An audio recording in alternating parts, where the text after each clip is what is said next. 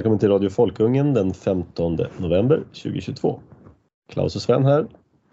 Idag ska vi prata om eh, det som ligger på alla foliehattars sinne just nu. Eh, och bland foliehattar räknar vi givetvis oss själva. Eh, utlandsspioneri. Och vi ska prata skulder. Sven, berätta. Eh, flera som har hört av sig och sagt, kan inte ni prata om den här eh, spionerilagen som klubbas?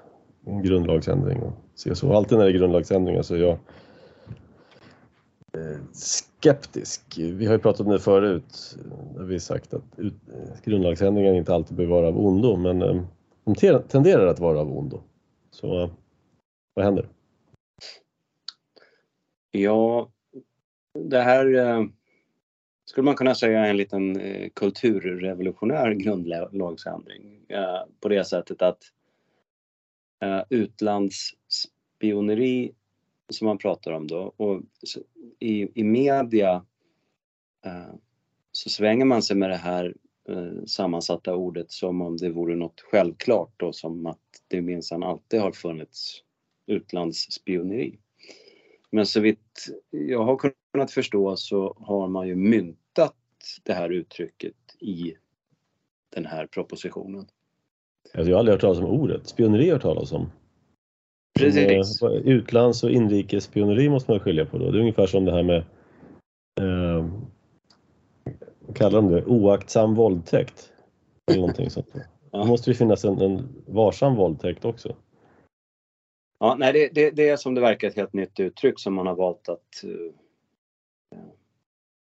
som det bakom då ligger en väldigt, vill jag påstå, krånglig definition. Om, om, om vi börjar bara liksom helikopterperspektivet här. Vi har en text.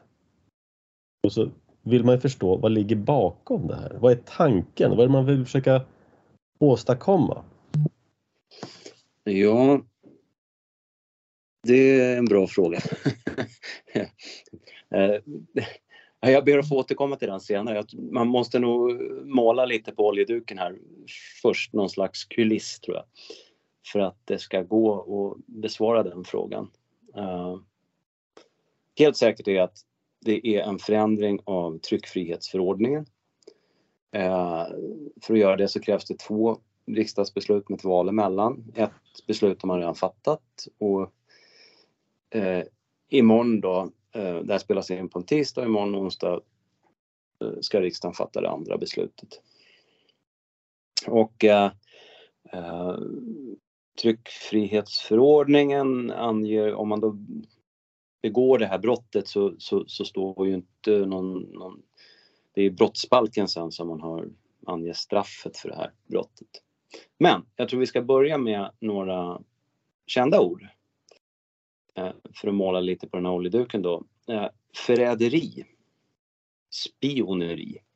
Det är två ord som de flesta människor nog kommer i kontakt med i väldigt tidig ålder.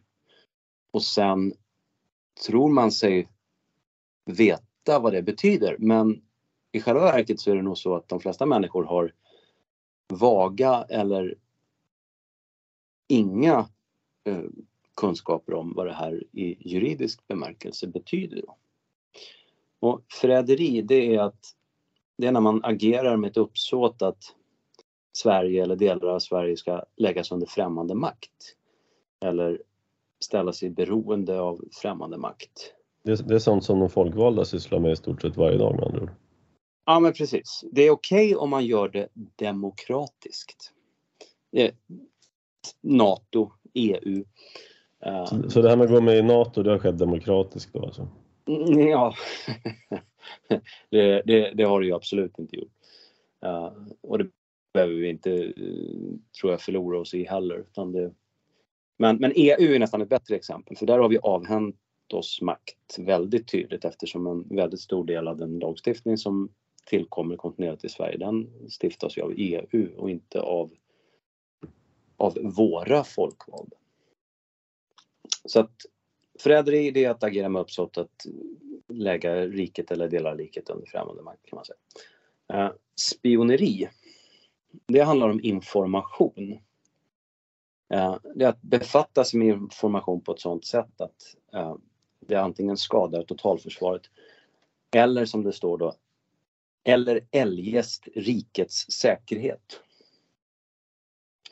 Uh, så spioneri, förfara med information på ett sådant sätt att det skadar rikets säkerhet. Det finns något som heter obehörig befattning med hemlig uppgift. Och det kan man säga är spioneri utan uppsåt, det vill säga när man klantarslar sig eh, med information utan att främmande makt är inblandad. Men det krävs fortfarande att eh, det finns en skada då på rikets eh, säkerhet. Det är ungefär som man outsourcar eh, vissa känsliga databaser till som datacentra i främmande länder, Tjeckien och sådär. Det skulle kunna vara att man klantarslar sig. Ja, ja visst, absolut. Uh, där, där satt ju min hemkommun Örnsköldsvik då, ett före detta kommunalråd, hon som även satt i verkställande utskottet i Socialdemokraterna, hon var ju inblandad i, i det där. Var det körkortsregister, var det inte så? Eh, vad sa du nu Claes? Var det, ett, kör, det var ett körkortsregister om jag inte minns fel? Ja precis, precis. Och hon satt med i styrelsen där eller vad det var på, på ja. Eh, men, men där klarades ju alla va och Ygeman fick ju smita iväg med svansen mellan benen där och sen så reste han sig som fågel Fenix ur askan då mm. in under pappa Stefans skyddande. Just det. Nåväl, jag ska inte störa. Obehörig ja. med hemlig uppgift. Ja, uh, så det, det, är spioneri utan uppsåt helt enkelt. Uh, men då har man då upptäckt att oj då. Nu har vi en massa uh, mellan, nu ska vi säga mellanfolkliga organisationer tror jag man kallar det för. Det vill säga vi har internationella samarbeten, till exempel NATO eh, eller EU. Och eh, då kan information bli liksom hängande i luften lite grann. Uh, till exempel information som inte sorterar under, låt oss kalla det svensk makt. Men som ändå har betydelse för Sverige och framförallt då för Sveriges förhållande till eh, en annan stat till exempel. Och det här kan ju vara att man eh, har ett militärt samarbete och eh, svensk militär personal eh, får kännedom om sakförhållanden som är snaskiga på något sätt. Va? Och som ingenting svensk lagstiftning har då hindrat dem från att eh, gå ut offentligt med det här eller, eller ännu viktigare då eh, meddela en journalist. Eh, men det, det, det, är liksom det man vill komma åt här nu med utlandsspioneriet. Eh, Så att eh, den har en jättekrånglig definition då som ja, jag ska försöka eh, förklara. Eh, det är fyra, för, att man ska ha begått då utlandsspioneri så måste, som jag då i min, eh, som lekmannajurist har kommit fram till, så måste fyra saker uppfyllas. Man måste gå främmande makt till handa. Det vill säga att det måste vara en främmande makt inblandad på något sätt. Eh, och man måste obehörigen röja uppgift. Men vad som är obehörigen, obehörigen alltså när man obehörigen röjer en uppgift, det, det kanske står i förarbetena till den här, eh, eh, det här förändringsförslaget då, men jag har inte dykt ner så djupt så jag kan inte riktigt svara på vad det är. Men vänta, bara punkt ett här, att gå främmande makt till handa. Mm. Det är så att man går främmande makt, man går främmande makts ärenden. Ja, precis. Uh, men det behöver nog inte, det behöver inte betyda att man blir betald av Ryssland. Va? Uh, Utan det kan vara så enkelt att man i en, låt säga att det föreligger en konflikt mellan två länder. Varav Sverige har ett samarbete med den ena men jag sympatiserar med den andra. Uh, och vill, inte för egen vinnings skull utan för att det är det rätta att göra enligt mitt förmenande eller något sånt där. Så vill jag uh, vara offentlig med någon, någon, någon, uppgift som alltså inte sorterar under, under något av de här vi nämnde tidigare. Va? Inte spioneri, inte uh, att man uh, vad sa vi att det hette, obehörig befattning med hemlig uppgift. Utan information som eh, är att betrakta som så att säga utländsk. Eh, eh, så att gå främmande makt till handa, det, det, kan vara ett, vad ska man säga, det behöver inte finnas en, en pekuniär orsak till det, att man blir belönad ekonomiskt eller, eller så där, utan det kan vara idealistiskt. Det tredje som ska vara uppfyllt är att uppgiften ska existera inom ramen för ett internationellt samarbete. Så, den... okay, så det är väldigt speciellt det här? Ja. Det, är alltså, det här är, här är utlands kommer in då antagligen? Då. Ja precis, mellanfolkliga organisationer bla bla bla. Det stinker ju NATO, EU, OSSE och så vidare. Och det fjärde det, röjande av uppgiften för främmande makt ska vara ägnat att skada Sveriges förhållande till annan stat eller mellanfolklig organisation. Och det här är ju jävligt... Vid första, när man hör när man hör eh, första gången då kanske man, nej men det är väl inte så farligt. Det är väl om man vill skada Sverige så är ju, då ska väl det vara straffbart ungefär. Men, jag vill bara säga så här, men jag ägnade inte att skada Sverige. Nej, Fast men det står ju... Det, det kan ju vara åt andra hållet. De säger du ägnade att skada Sverige. Ja, jo, men, det, jag tar den igen. Röjande av uppgiften för främmande makt ska vara ägnat att skada Sveriges förhållande till annan stat eller mellanfolklig organisation. Så att, ägnat att skada Sveriges förhållande till EU. Till ja. Uh, så att uh, uppgiften ska existera inom ramen för ett internationellt samarbete, EU. Obehörigen röja en uppgift, det hänger i luften, vi vet inte riktigt vad det betyder. Uh, gå främmande makt till handa. Eh, lite diffust det också, men man ska ha någon... Eh, eh, ja. Men låt oss ta ett konkret exempel här nu. Eh, den främmande makten är givetvis Ryssland då, i det här sammanhanget som ett exempel. Mm. Så jag skulle obehörigen, vad det nu betyder, röja en uppgift eh, om att Sverige har gjort någonting, till exempel, Eh, och vi har ett internationellt samarbete inom EU då, eller potentiellt NATO här. Eh, och jag skulle röja någonting, någon information om Sverige gentemot som gynna, det här skulle då gynna Ryssland, det jag säger. Eh, och därmed ställa Sverige i dålig dager inför EU till exempel. Det skulle då vara ett, ett brott mot den här ja, lagen? Eller, ja, skulle kunna ha. Vi har ju det där återigen med obehörigen och uh, ja. Uh, men, men jag, jag, tänker, jag tänker så här. Jag tror att uh, det som föranleder hela det här, det är just att den här, för att, att röja en uppgift, det handlar ju om information. Va?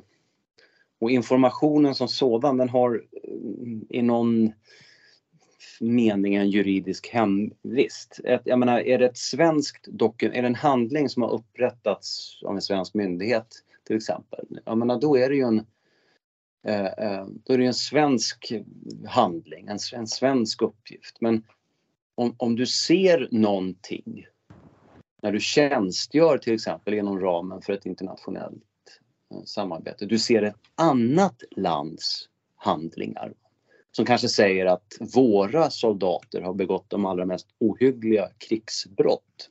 Bara för att ta ett, ett eh, tillspetsat exempel. Eh, så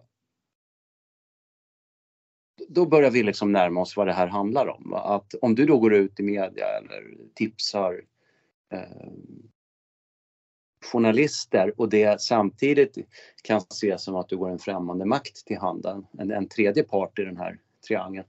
Uh, uh, och sen att du på något sätt obehörigt går ut med den här, vilket är verkligen, det är ju den riktigt konstiga. En riktig gummiparagraf. Ja, ja visst.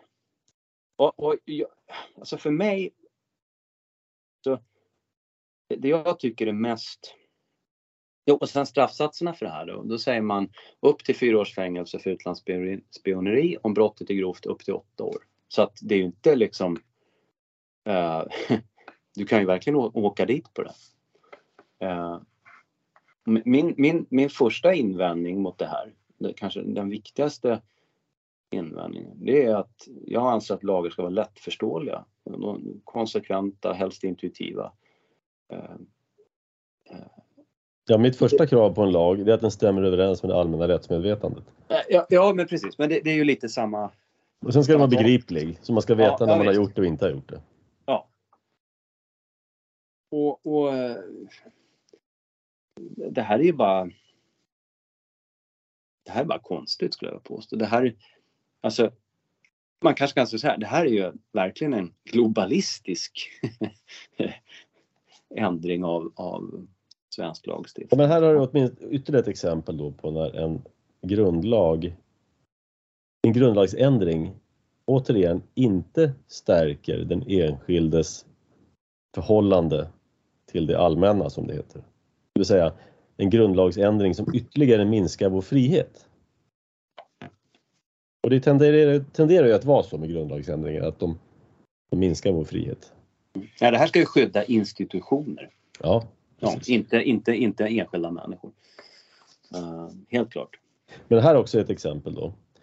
Eh, För några år sedan, eh, jag vet inte, 10, 5, 15 år sedan kanske det här laget, så var det ju någon svensk som eh, avslöjade massa barnpornografi, eller inte barnpornografi, alltså barn, sexuella övergrepp på barn som utförts av FN-personal. Ja, i Afrika fall. Ja, det skulle ju lätt kunna falla under det här att avslöja det då. För det främmande makt tillhanda. Eh, ja, det skulle till exempel kunna vara den staten då som FN var och härjade i. Eh, obehörligen kan man ju säga, det var obehörigt. Det ska existera inom ramen för ett internationellt samarbete, FN. Och den röjer ju då, eller den, den förstör ju förhållandet. Om det är en svensk som avslöjar då kan ju det göra att vi får ett sämre förhållande till FN då som den svenska staten skulle få. Mm. Så det är Det- väldigt flexibelt det här. Ja, ja absolut. Det, det står så här, jag ska förtydliga det. Eh, för att gå en främmande makt eller motsvarande tillhanda. Eh, obehörigen befordrar, lämnar eller röjer en hemlig uppgift. Så vi, vi ska då eh, för, du, du ska ha ett uppsåt att gå en främmande makt till handa. Eh, du ska röja en hemlig uppgift som förekommer inom ramen för ett samarbete med en stat eller en mellanfolklig organisation eller i en mellanfolklig organisation i vilken Sverige är medlem. Host, host, EU. Eh, och så nu kommer det. Och vars uppenbarande för en främmande makt eller motsvarande är ägnat att medföra allvarligt men för Sveriges förhållande till någon annan stat eller en mellanfolklig organisation.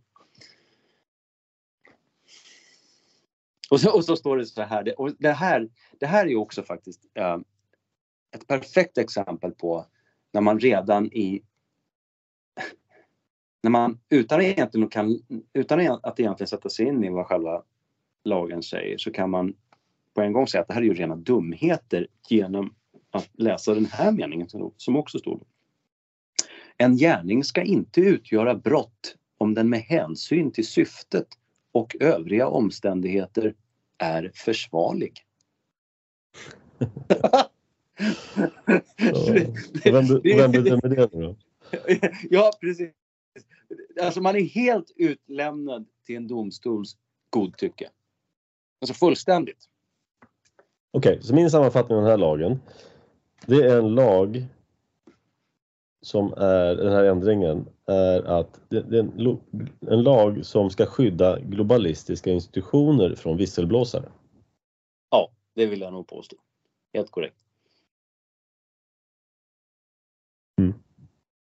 Och just det här också att Sveriges förhållande till annan stat eller mellanfolklig organisation. Det vill säga varenda globalistisk institution. Det vill säga förutom EU och NATO då så har du, du har ju OECD, du har ju eh, VHF. Inter, international, ja, International Monetary Fund, du har ju Bank for International Settlements, du har ju eh, ja, WHO och så vidare. Ja, förlåt, det var WHO jag menade. Uh, ja, nej men det... det, det uh, vad är en mellanfolklig organisation liksom? Vad är det?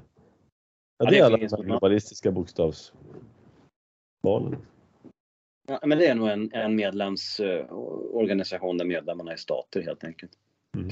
Men, men um, om, om jag frågar dig så här, vad, om du får gissa, jag har inte facit, men om du får gissa, eh, vad skulle du tro att genomsnittlig IQ är i Sveriges riksdag med dess 349 ledamöter? Uh, alltså jag skulle nog tro att IQ, jag tror att det skulle vara ganska genomsnittligt, men uh, jag, jag, tror att det ligger på genomsnitt ungefär. Uh, men det betyder ju inte att man har förstått hur saker fungerar här i världen. Det betyder att man kan läsa en bok, man kan tillgodogöra en del av innehållet, man kan ta universitetspoäng, Eh, men det säger ju ingenting mm. om vad man förstår. Man, att, det säger ju ingenting att man förstår konsekvenserna av en sån här lag eller att man förstår syftet med en sån här lag. Jag tror att det finns en hel del eh, klurdjur och, och, och smartingar i, i riksdagen. Men jag tror att det finns en, en stor bulk med riktiga tjockskallar. Och uh, anledningen till att jag har den uppfattningen det är att jag har vi kan säga djupdykt i socialdemokratin och vad de exporterar till Sveriges riksdag. uh, och, och, och, och jag, jag, tänker så här. Hur hög andel av ledamöterna kan överhuvudtaget tillgodogöra sig hela det här stycket då som där den här lagen definieras? Uh, alltså jag tror att det är en, en, en, väldigt liten andel av riksdagen. Säg, säg 20-25 procent har han helt enkelt den intellektuella kapaciteten att, att sätta sig in i det här. Nej, men jag, jag, tror, jag tror att de kan förstå texten, de här 25 procenten eller kanske till och med flera. Men det betyder inte att man förstår konsekvenserna av det här. Nej, nej det, men det är ju ett läge. Men jag tror att det redan är svårt med texten. Alltså. De förstår ju de ingående orden. Det är läsförståelsen menar du redan? Ja, det här, det här, när, när man sitter och läser det här första gången så det, det framstår bara som grekiska. Uh, man måste verkligen liksom läsa igen, igen och igen och, och plocka ut det som som bara är, är ja, eller plocka ut det som betyder någonting och det som bara är någon slags utfyllnad för alla eventualiteters skull. Kan det vara så illa att de läser ordet utlandsspioneri och instinktivt känner att ja, det här måste vi såklart rösta igenom? Ja, det kan jag mycket väl tänka mig. För det låter ju väldigt illa det här med utlandsspioneri. Liksom. Och det, det blir ännu värre om man säger så här. Om man, om man ska ställa frågor till riksdagsledamöterna. Kan du ge ett... Du har... Man, man tar riksdagsledamöterna från förra mandatperioden som röstade, som fattade första beslutet då i den här grundlagsändringen. Uh, och så frågar man dem så här. Kan du ge ett exempel på en situation när den här lagen om utlands, ja den heter inte det, men, men när utlandsspioneri skulle vara aktuellt? Kan du beskriva här och nu så, så tror jag att, att, att, det är knappt någon som kan svara på det. Nej, och ännu mer skulle jag vilja kunna ställa frågan. Kan du beskriva ett fall som du sympatiserar med men som skulle falla under, under den här lagen? Det vill ja. säga, kan ja. du nämna exempel på folk som skulle bli felaktigt dömda enligt det här? Det är också ja, intressant om man kan lista ut, liksom, då har man ju förstått va? Ja, och sen har man då den här, sist, den här liksom gummisvansen då. Eh, när är det när är det med hänsyn till syftet och övriga omständigheter försvarligt? Mm. Ja, precis. precis. Och så kan man ställa några frågor då. Edward Snowden eller eh, vad heter den andra? Assange. Skulle deras handlingar falla under det här och många andra visselblåsare då till exempel. Det, det finns, eh, idag lades det upp en artikel på Samnet som, där de eh, hade fått några kommentarer från Nils Funke som jag inte vet så mycket om egentligen men namnet är lätt att komma ihåg och, och han dyker upp med jämna mellanrum och brukar kallas för typ yttrandefrihetsexperten och sånt där. Uh, och han tycker jag genomgående har uh, haft vettiga åsikter när jag har tagit del av dem genom åren. Eh, och eh, han kritiserar ju det här i mycket hårda ordalag. Och, eh, det, finns ju en slags frihetsdimension i det här. man måste ju kunna vara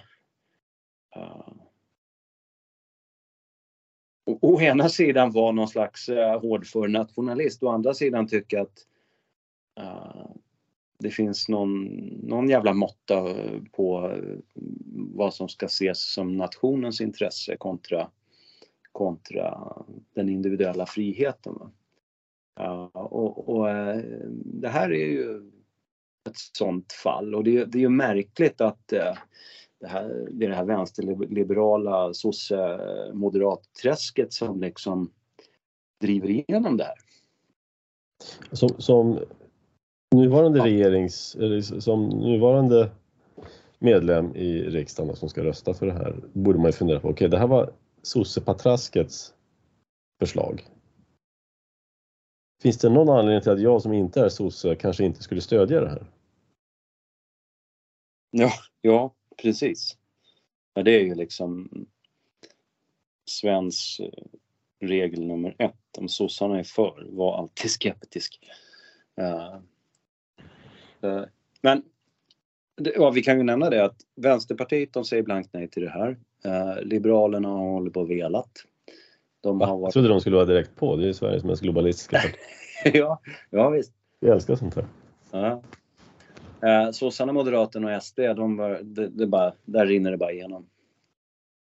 KD, det kommer jag inte ihåg eller jag tror inte jag har sett vad de hade för uppfattning men det är väl förmodligen samma som Moderaterna.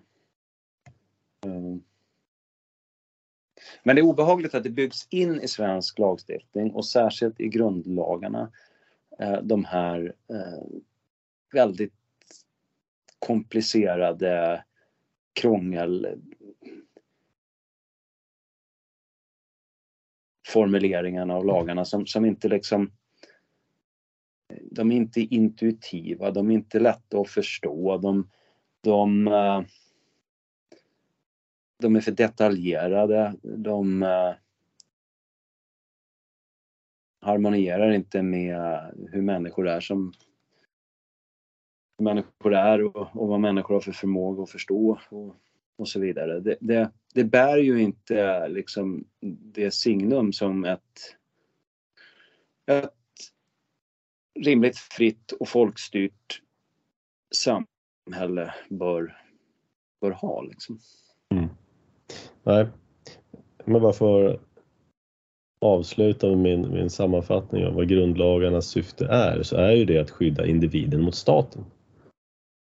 Ehm, det är därför Frågar en genomsnittlig person så kanske han möjligen kommer, om man frågar vad en grundlag är, så kanske han möjligen kommer ihåg att ja, men det är en lag som är svårare att ändra. Ja, jo. Men varför är det så? Jo, därför att det ursprungliga syftet det var att skydda individen från det allmänna, det vill säga staten. Eh, och det ska vara svårt att ta mer frihet från människor. Eh, det är därför då. Och eh, sen har vi den här, det här är tryckfrihetsförordningen då som den här ändringen gäller. Som är en jättelång lagtext. Jag, jag kan formulera en tryckfrihetsförordning med en mening. Den lyder så här, skriv vad du vill. Och varje tillägg till den förordningen är en specifikation på något du inte får skriva. Så ju längre tryckfrihetsförordning vi får, och nu har den ju växt då med ytterligare några paragrafer. Var, varenda stycke i tryckfrihetsförordningen är ju ett avsteg från tryckfrihet. Ja. Och det samma, samma med yttrandefriheten. Yttrandefrihets... Vad heter den? Yttrandefrihetsgrundlagen eller vad den heter. Eh, mm. Och, och, om man, om man eh, jag vill bara lägga till, om man, om man liksom hakar upp sig lite grann på det här med stat så kan man, om man så vill, byta ut det mot kollektivets tyranni. Eh, alltså, en grundlag ska ju hindra att vi blir som det som beskrivs i Flugornas herre ungefär.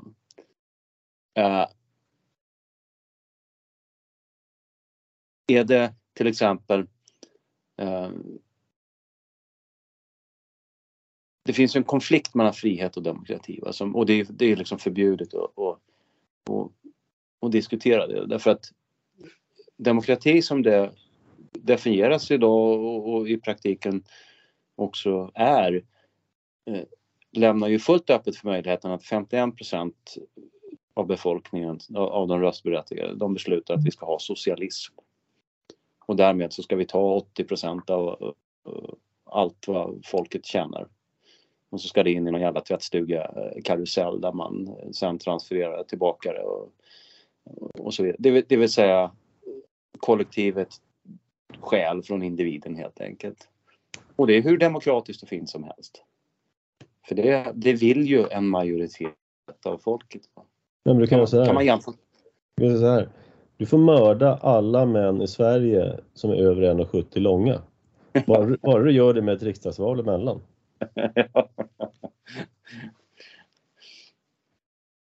Det, är, ingen, det är liksom, inga problem. Ja, och då, då kan man ju då om man vill provocera ställa... Ja, när man, om man ställer det här då, om man säger det, det, det demokratiska socialistiska samhället.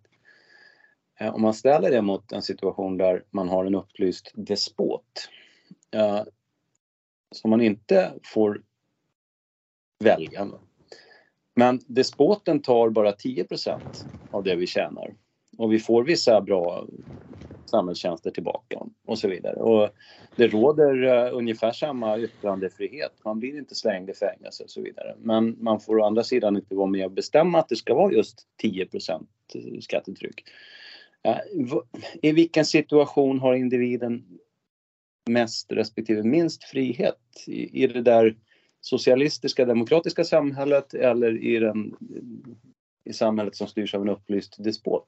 Den, den frågan har ju inget riktigt bra svar. Va? Nej. Eh, och, och därför personligen så vänder jag mig starkt mot den här idealistiska synen på demokrati. Demokrati är en, det bör betraktas som något, ett praktiskt förfarande. Va? Det, det är inte en ideologi eller liksom eh, det, det, det är ett sätt man kan eh, sköta ett samhälle och det är väldigt brett. Alltså, Alltså det, det är ett sätt att fatta beslut. Det är inget mer än så. Men det har ju ja, blivit, det har ju blivit en ideologi av det hela. Ja, visst. Vi hade ju i våras då på den här folkungaträffen en, en man som talade om lottning istället för demokrati. Det vill säga man lottade fram Mm. de som under en tid fick eh, bes- bestämma dem. Och det används ja, mycket i historien. Eh, Och i vissa, på vissa ställen fortfarande nu och i olika sammanhang så används det också. Ja, men det är inte, inget som säger att det skulle ge ett sämre resultat än det här slödret som vi röstar fram då vart fjärde år. Um, för, då ska vi tänka på, mycket av de här människorna de, de sitter ju där för att de vill ha förmånerna av den där makten. Inte för att, alltså de man ska välja egentligen, de som inte vill. De som inte vill hålla på med makt. Det är egentligen de som är mest lämpade. Och de som vi väljer, det är människor som hungrar efter makt till 99 procent. Det finns ju en fin berättelse i Bibeln där om ett barn som två mödrar gjorde anspråk på. Ja, just det, kung Salomo där. Ja. Som ju... Han var ju känd för sin visdom då och eh, de här mödrarna, jag tror att det var två eh, prostituerade faktiskt, hade fått varsitt barn och den ena dog. Då tog hon den andra kvinnans barn och sa det här är mitt, den här, den här döda är din. Och då gick de till kungen då som var, eh, som var en allmän domare. Så vad ska vi göra? Då sa han, vi klyver barnet mitt i tu så får ni varsin halva. Och då sa den ena, Bra idé. Då sa den andra, nej, nej, gör det inte. Så visste han då vem som var mamma. Ja. Mm. Ja, vi får se. Det, det finns ju ingenting som tyder på att den här lagen nu inte skulle gå igenom. Uh, och det betyder ju att uh, inom några år så kanske vi får något Eh, rättsfall på området. Då kan man ju återkomma till det. Men jag tycker det, det, det här är en lag som också är orätt dum. Därför att det är så lätt att se egentligen vad som strider mot det allmänna rättsmedvetandet i det här sammanhanget. Om du har någon visselblåsare som avslöjar några allvarliga oegentligheter någonstans och han blir dömd för det. Eh, då kommer ju folk... Ja, det är klart, det är ett sätt för staten att bli av med oönskade personer men eh, det kommer ju märkas tror jag. Mm. Finns en parallell... Givetvis ska inte staten ha sådana här verktyg till sitt förfogande. Mm. Det finns en parallell utveckling då som går helt tvärs emot det här i, i kommunerna där man eh, funderar väldigt mycket på det här med visselblåsare och anlitar man litar inte ens på sin egen organisation. Va? Så att man, Eh, man eh, tecknar avtal med, man upphandlar offentligt visselblåsartjänster, det vill säga man kan ha ett avtal med en advokatbyrå till exempel dit, dit då en visselblåsare kan vända sig för att det här då ska skötas med ett, med liksom ett förkläde emellan då på något sätt. Va? Och, uh, för att minimera att visselblåsare drabbas av repressalier och, och så vidare. Va? Och så staten då agerar på ett helt annat... Ja, men det är det jag säger. Vi ska styras med lokala, lokala myndigheter. Så blir det lite bättre. Ja. Mm. Ja, nog om detta. Tack för den eh, genomgången. Det är alltså mm, en lag för att förhindra visselblåsare att avslöja globalistiska institutioner. Kan vi sammanfatta det med. Eh, du skickade med en intressant artikel här för ett tag sedan och den handlade om Sveriges statsskuld.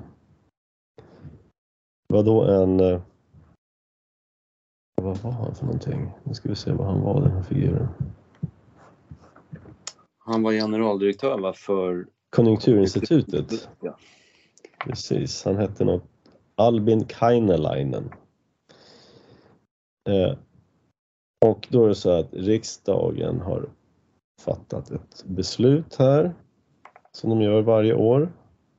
Den har dragit upp riktlinjer för hur statsskulden ska förvaltas och det här skickar man då sen till Riksgäldskontoret. Eh, regeringen har då, gör det här varje år.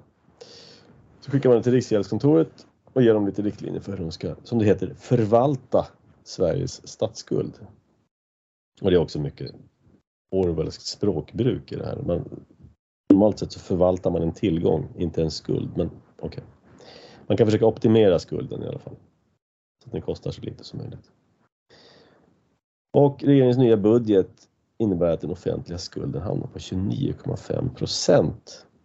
Och det är inte bra. Det är för lågt enligt regelverket för finanspolitiken. Och eh, mm, det är ett problem då tycker han att vi har en skuld som understiger med 5 Mått, äh, målet. Då.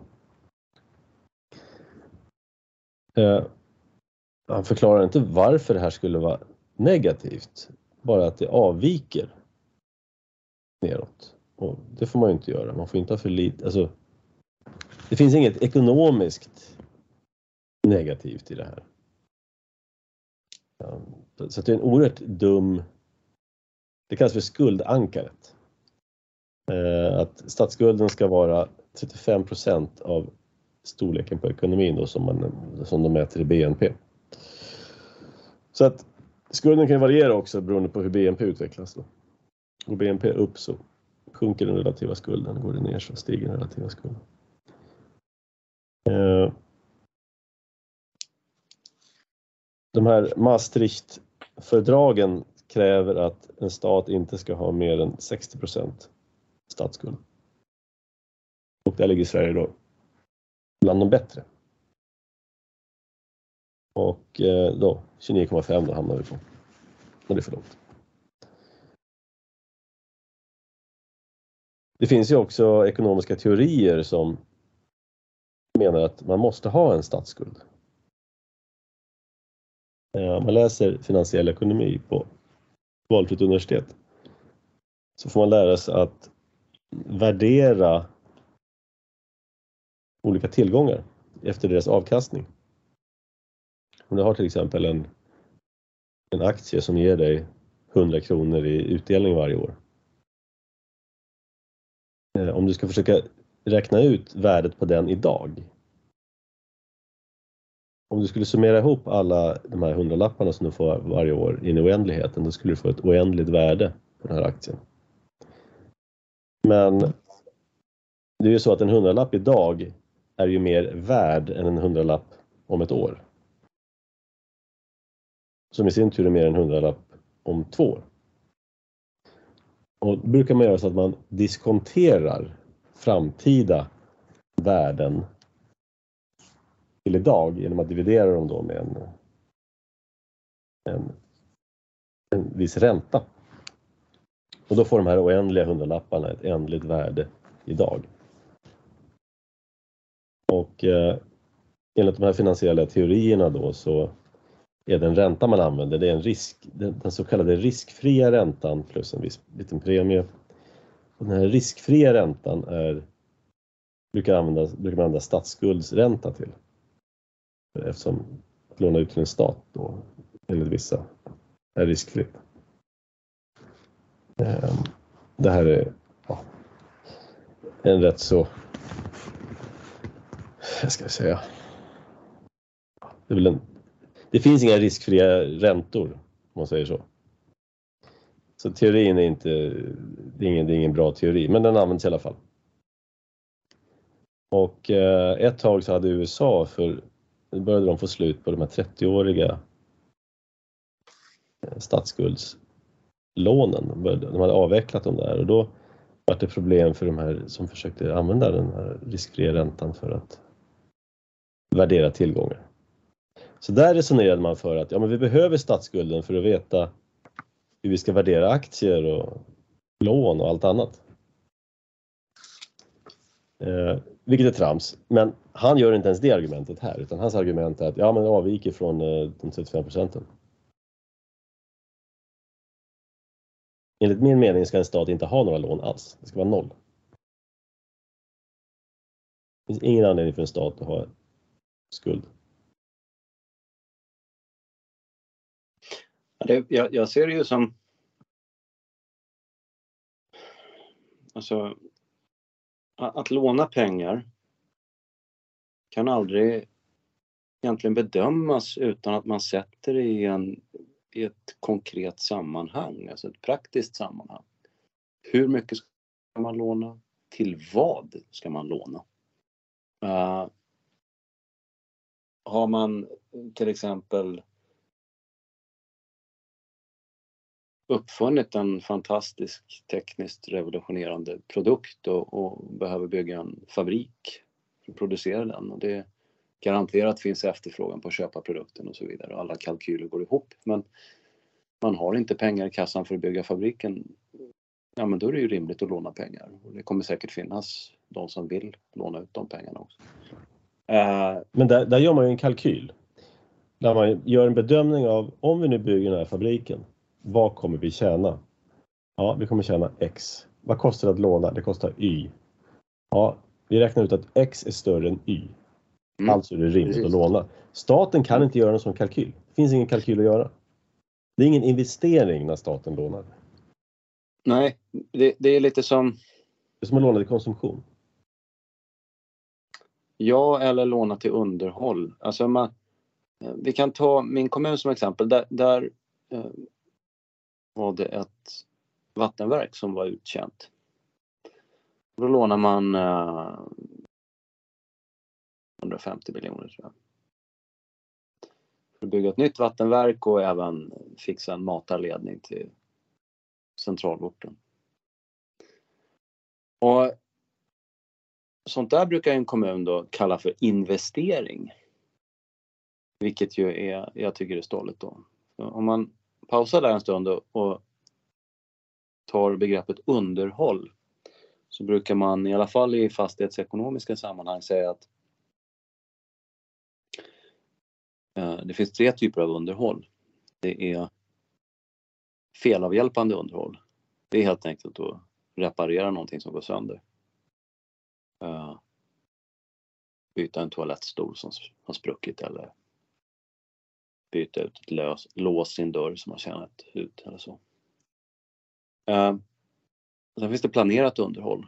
Det kan vara att man har planerat in en fasadbyte eller lägga om taket eller eh, byta stammar eller något sånt. Eh, byta stammar kanske är ett lite dumt exempel.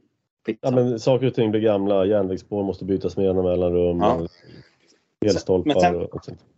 Sen, sen, finns det den liksom högsta formen då av underhåll, det är reinvestering. Det är när man helt enkelt måste byta ut hela det hårda paketet för att det är liksom bortom räddning. Uh, där kan ju kanske exemplet vara uh, fjärrvärmeledning till exempel. Att eh, äh, den här, det går inte längre med felavhjälpande underhåll och inte heller med planerat underhåll hålla liv i den här. Utan nu får vi gräva upp hela sträckningen och byta ut rubbet. Liksom. Då är det en reinvestering. Om jag har förstått saken rätt. Och för offentlig verksamhet så verkar det ju då vara så att investering och reinvestering är två saker som liksom flyter ihop. Uh, investering borde ju vara en expansion av verksamheten i någon mening och, som ger ett mervärde. Ja, det, det här är viktigt. Att det är någonting som ger ett mervärde, som skapar värde. Ja. Annars är det inte en investering. Nej, och Eh, jag menar, hur ska man betrakta till exempel eh, ta Förbifart Stockholm.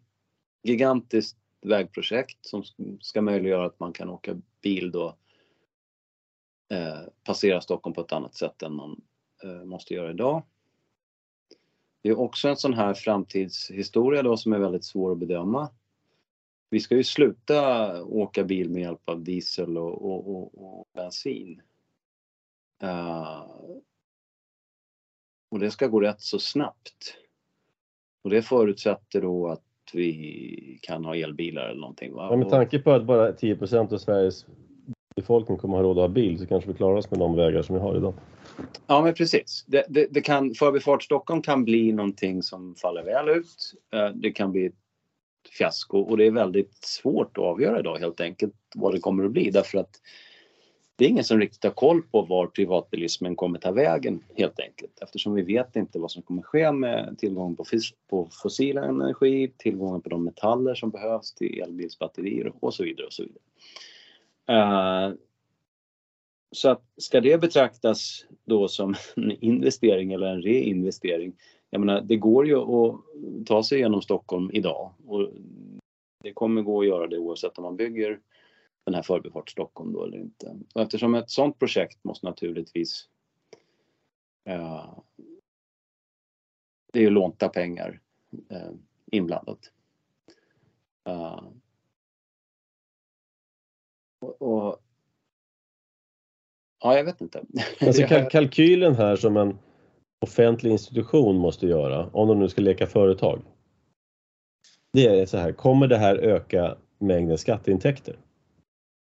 Ja, det, det är ju det enda liksom, inom citationstecken affärsmässiga som offentlig sektor kan, kan liksom slänga sig med. Uh, det, det, hur, hur, hur ska, det är ju det som gör det privata så alltså, egentligen enkelt. Där, där kan man alltid prata i termer av en, en företagsekonomisk vinst. Liksom. Ja, och det finns en faktor till här som är väldigt viktig. Det är att det, i privata sektorn så är det privata pengar. Det gör att man eh, är mer realistisk i sin bedömning av fördelarna med investeringen, alltså att det verkligen blir en vinst. Ja, de som fattar besluten är också de som tar risken. Precis. I, i, det här, i offentligheten, så är det offentlig sektor, så tar de som fattar beslutet ingen personlig risk. Ja, möjligen kan de bli av med jobbet, men knappt det. Eh, och då gör man gärna glädjekalkyler. Jag menar, hur ofta har man inte sett, ja men vi skulle bygga ett nytt eh, kommunalt badhus, det skulle kosta 100 miljoner. Oj, det kostade 500 miljoner. Ah, ja, mm. det finns, uh, det där är lustigt att du nämner det för uh, i min kommun så finns det ett äventyrsbad. Och det är naturligtvis då kommunalt ägt. För det kan ju ingen privatmänniska bygga ett äventyrsbad. Uh, nej, inte på affärsmässig grund. Jag tror inte det. Jag tror inte att, ja, det, det, det är det jag kommer komma till här nämligen. Uh, och då har, man, då har man lagt det här inte i ett kommunalt bolag utan det ligger i den kommunala förvaltningen då som en egen resultatenhet. Och eh, det betyder att man upprättar ju inte någon egentlig årsredovisning för den här verksamheten. Däremot så redovisar man ju resultaten för den enheten. Och uh, man ligger och släpar med ett driftsunderskott på, jag har för mig att det är 10 miljoner per år. Det vill säga man har då utgifter för, för den verksamheten och sen så har man intäkter i form av uh, biljetter och uh, man hyr ut lite lokaler och sådär. Till något gym till exempel. Då. kanske har några andra intäkter ifrån, vad vet jag, konferenser eller någonting som man hyr ut lokaler till. Uh, och när man då avräknar de här intäkterna från driften av verksamheten, från kostnaderna, så ligger man på 10 miljoner minus och så får skattebetalarna skjuta till 10 miljoner. Eh, samtidigt så säger man att det här är ett av kommunens viktigaste resmål. Mm eh, ja, och då Och då, då bygger det på att det finns kommuner runt omkring. Även Umeå då som är en betydligt större kommun som ligger norr om Örnsköldsvik. Eh, som, och sen finns det Kramfors och eh, Härnösand. De, de har inga äventyrsbarn. Så då kommer det folk eh, en hel del från de här kommunerna för att, ja, barnfamiljer typ, men även kan vara skolor och andra, ja, tänk abonnerad buss. Och så har man trevligt på Äventyrsbadet då. Uh, vilket är helt oförståeligt, men det är en annan sak. Och, och, och, och, en, gång, en gång i tiden kunde man faktiskt ha trevligt på simhallar och, och sådana, bibliotek och sådana saker, men den tiden är förbi. Ja, för fan, vill man se feta människor, utländska människor och ohygien, då ska man bevista en sån där jävla anläggning. Det är fruktansvärt. Uh. Ja, nej men, eh, så att verksamheten går då med ett driftsunderskott och så säger man samtidigt att det är ett viktigt besöksmål. Det betyder ju att min kommuns skattebetalare, det vill säga jag, jag får betala för att andra kommuners eh, invånare ska komma och, och, bada på den här anläggningen. Det, det är ju helt fantastiskt eftersom biljetterna är skattesubventionerade. Eh, I praktiken eftersom verksamheten, in, verk, verksamheten bär inte sina egna kostnader med de intäkter man har. Uh, och det här är ju ett typexempel på det här leka butik liksom. Uh, fullständig pannkaka och, och, och de flesta kommuninvånare de förstår ju inte det här därför att det här redogör man ju inte för i någon, uh, på ett öppet transparent sätt. Mm. Och det här är ju någonting som präglar eh, kommuner över hela landet, inte bara när det gäller badhus och sånt, utan det finns massa andra saker. Mm. Um. Ja, det här med att sätta kommuner på kartan, det är någonting de har fått dille på. Kommungubbar har, som jag ser två psykiska problem.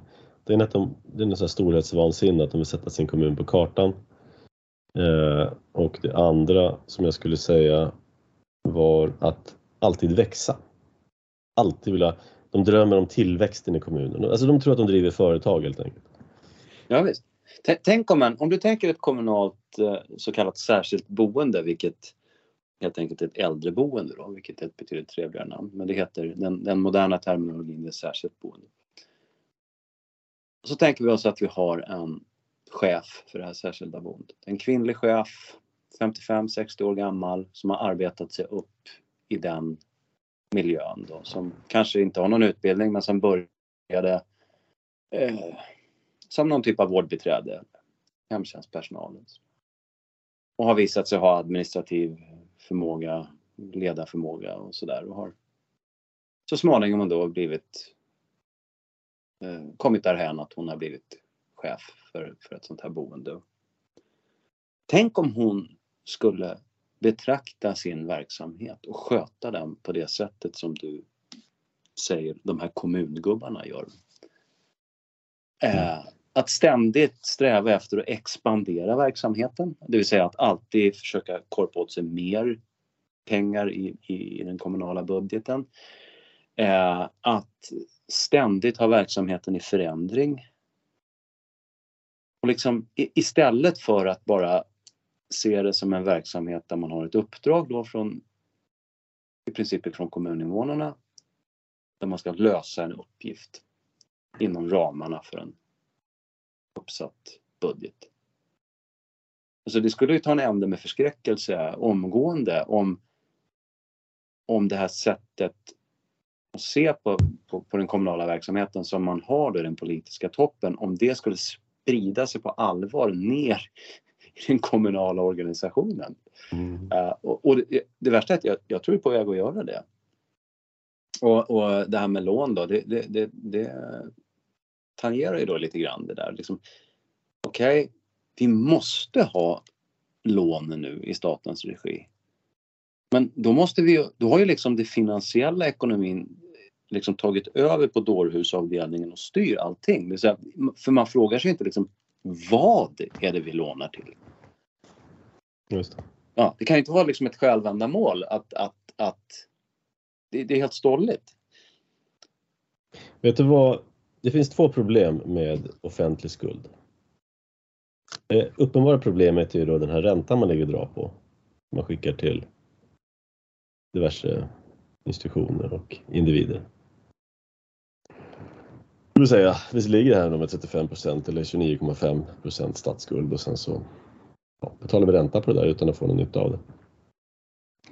Men det finns ett annat problem som är faktiskt värre, menar jag. Och det är när själva skulden upptas och vad man köper för pengarna. Eh, för här sker då en distorsion av ekonomin. Eh, när politiker och kommungubbar köper till exempel ja, massinvandring, de köper eh, såna här snabbtågsfantasier, eh, de köper kommunala äventyrsbad, eh, idrottshallar, ja du vet det här vanliga då. Där har du ett större problem. För varje gång de gör det här så skapar de skevheter i ekonomin. Eh, som förvirrar ja, all sund verksamhet. Kom ihåg när som startade sådana här invandringsboenden till exempel. Eh, när man fick så 15 000 spänn natten. Ehm, istället för att man hade kunnat, de, de hade kunnat lägga de resurserna på annat. Va? Det, därför att så fort man gör någonting ekonomiskt, då låter man bli att göra någonting annat. Så varje gång kommunen köper ett nytt badhus eller staten investerar i 10 000 afghaner, då är det alltså resurser som tas någon annanstans ifrån. Och det här menar jag är ett ännu större problem än den här räntan då som man ligger och drar på. Därför att det skapar sådana obalanser och distorsioner och förvirringar. Vet du, vänstermänniskor skyddar sig mot det där du säger nu? De, de, de säger så här, liksom det här, när de försöker vara street smart, då säger de så här, men det är olika budgetar. Okej. Okay. då spelar det liksom ingen roll, då har man friskrivit sig ansvaret. För då, nej, och det, det, bygger ju då på en oförståelse. Det är olika budgetar men det är samma pengaflöde i, i slutändan. ja. Ja, men I den privata sektorn så, jag har en god vän som brukar säga att magin i ekonomin uppstår när pengar byter ägare. Det är ju då som det utförs någonting. Ja, ja det, det, det, det är intressant. Ja, så att, Eh, att sitta på pengar, det, det är liksom inte det är inte så intressant utan det, det, det, är, när de byter ägare som, som, som, som det uppstår en, ska vi säga, en fysisk aktivitet då, som ska, och, och som eftersom eftersom man i det privata inte gör sådana transaktioner med mindre än att man upplever att man vinner någonting på det. Va? Betala en snickare för att bygga ut huset åt en eller vad det nu kan vara. Uh, så, så, skapas det värde där. Mm. Uh, det är därför man säger att pengar är ett bytesmedium. Det är bara en mellanstation ja. mellan ett fysiska arbete och den varan eller tjänsten som jag sen kan tillskansa mig. När, när kommunen betalar någon fnoskig konstnär för att smycka ut torget i centralorten på ett sätt som sen en majoritet av folket kommer uppleva som fult och obegåvat. Det är också en distorsion för för en riktig konst till exempel. Ja. Ja men precis. Det, det, är flera saker man frångår. Man frångår vad, vad folk i någon mening efterfrågar i, i form av god smak och man, man låter också pengar passera människor som i någon mening inte har gjort sig förtjänta av dem. Mm. Uh, och ger dem köpkraft vilket i sin tur då uh, Ja, och det, innan vi började här så jag nämnde också att det blir nu kommer jag inte ihåg vad vi läste någonstans men där vi läste om det här ankaret. Ekonomifakta. Ekonomifakta. Eh, skuldankaret så stod det också om offentligt sparande. Och man säger motsatsen till, till offentlig lånesättning är ju offentligt sparande och jag vill påstå att det, det är lika fel. Uh, offentligt det, sparande innebär att du har tagit för hög, onödigt hög skatt? Ja, det, det är det ena. Och det andra är att en kommun må kunna kanske spara, men om, om, om staten ska sätta igång och spara så då om staten lägger undan pengar så undantar man ju bara uh, pengarna ska motsvara då, när de byter ägare så ska eh, varor byta ägare eller skapas, tjänster utföras och så vidare. Och Varor kan man då visserligen spara.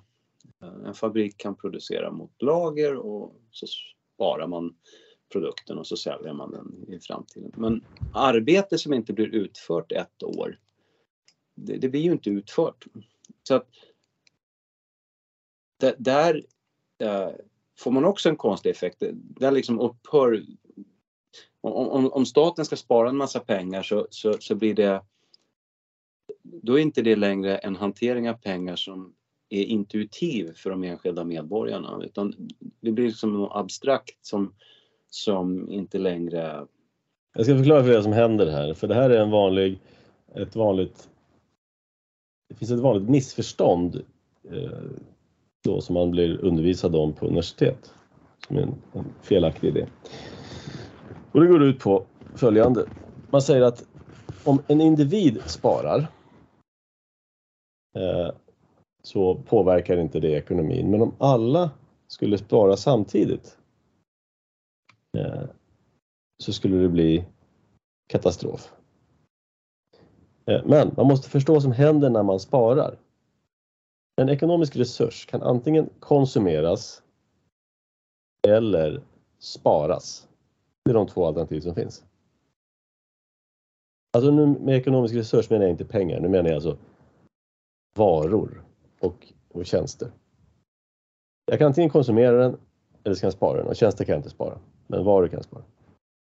Det vill säga, om jag sparar pengar, vad jag i själva verket gör är att jag sparar en resurs. Om jag låter bli att köpa en bil, då sparar jag den plåt och det gummi som skulle ha gått åt till att tillverka den bilen. Och de pengar jag har låtit bli att konsumera för. De kan ju då, då, istället, när jag sparar dem i banken då, så kan en annan låna dem och då kan ju den personen eller företaget köpa den här plåten och gummit och kanske göra någonting annat än den här bilen som jag skulle ha köpt.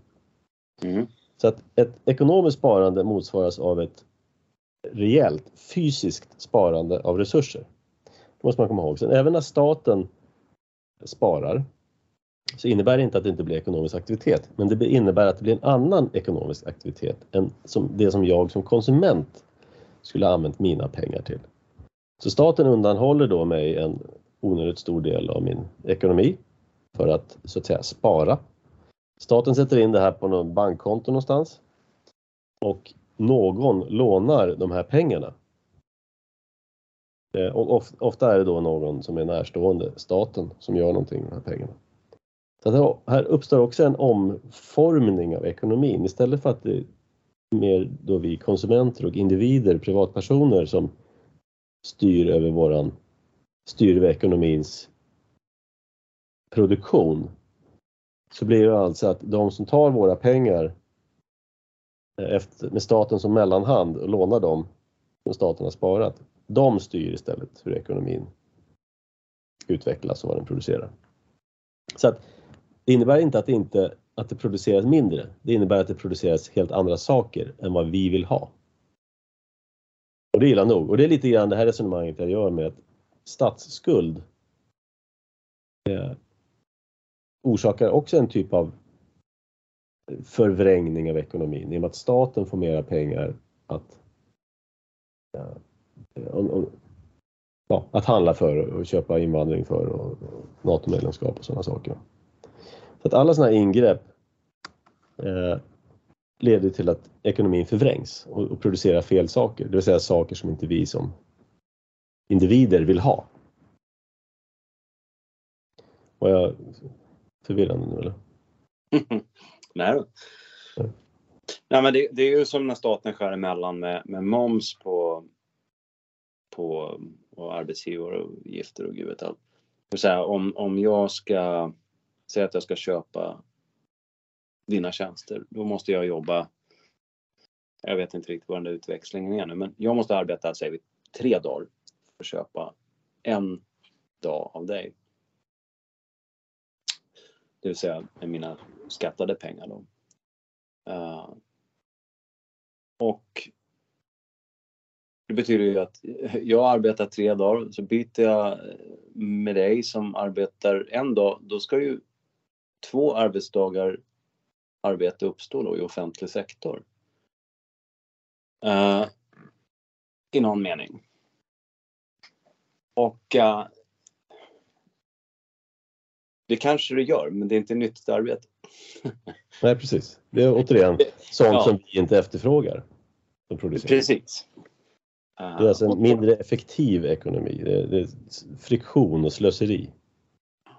Och det, där tycker jag faktiskt, vi nämnde ekonomifakta. Ekonomifakta det drivs av Timbro, har jag för mig. Timbro är ju Svenskt Näringsliv.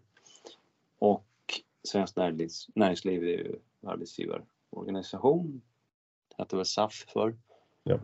Uh, och när jag var så, så, som, som liten och ung, då var, var ju SAF betydligt mer aggressivt än vad Svenskt Näringsliv är idag.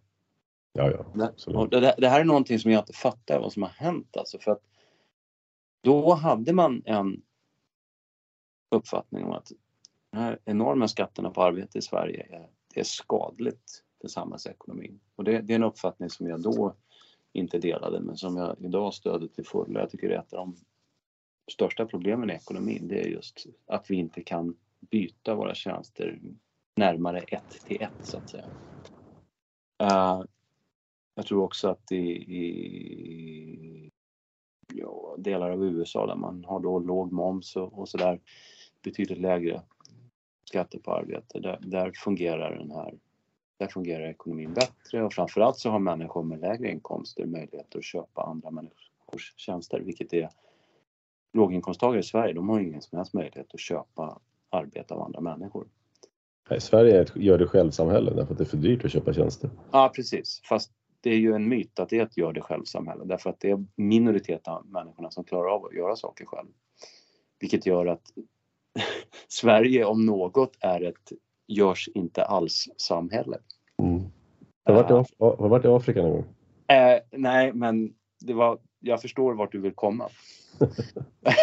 och eh, tyvärr ser det så att delar av Sverige ser ut på det sättet idag. Det vill säga, ma- man, åker man i, runt på landsbygd till exempel där det är låg, låga medelinkomster. Inte minst då i norra Sverige, i, i de delarna av södra Sverige som är bruksortssamhällen. Så Bergslagen, delar av Värmland, Småland eh, och sen i princip hela Norrland så kan man ju alltså det är ett materiellt förfall som pågår. Mm, men det är just precis det här som jag förklarar nu. Det vill säga staten suger upp resurser och kanaliserar dem till områden som den tycker är lämpligt då. Men utarmar då, alltså den tar Ja. resurserna från det som hade behövts i samhället. Det är klart att då, då dör samhället. För att någon annan har tagit resurserna och producerar massinvandring och, och simhallar för de resurserna istället. Och, och det här, jag ska bara nämna, det finns en oerhört bra uppsats av en fransk eh, ja, ekonom, filosof, Frédéric Bastiat. Eh, och han är känd för att ha skrivit väldigt pedagogiska, det här är 1800-tal tror jag det här, väldigt pedagogiska texter som är lättlästa och roliga. Fullt aktuella redan idag, eller fortfarande idag. Och då har han skrivit en som på engelska är översatt till titeln What is seen and what is not seen. Så äh, läs gärna den eh, om du lyssnar på det här. Därför att den förklarar precis det här fenomenet som vi har pratat nu om liksom, många gånger här nu idag. Hur, hur, när staten tar in mera pengar, hur den kanaliserar om. Ja, vi fick gratis sjukvård, men vad fick vi inte? Det är det Ja. som är what is not seen. Vi vet aldrig vad vi inte fick. Ja, men det är så bra att vi får gratis. Ja, är det så bra?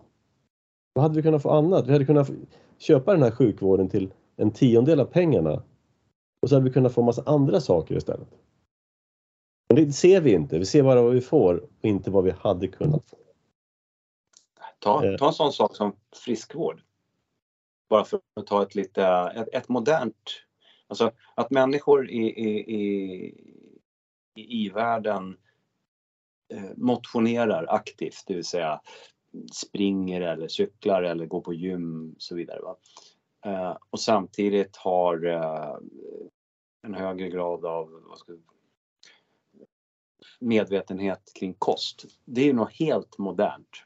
Det är alltså någon, det, det är ett fenomen som är några få decennier eh, sedan det började och eh, har ju blommat ut väldigt mycket kanske de senaste 20 åren kan vi säga.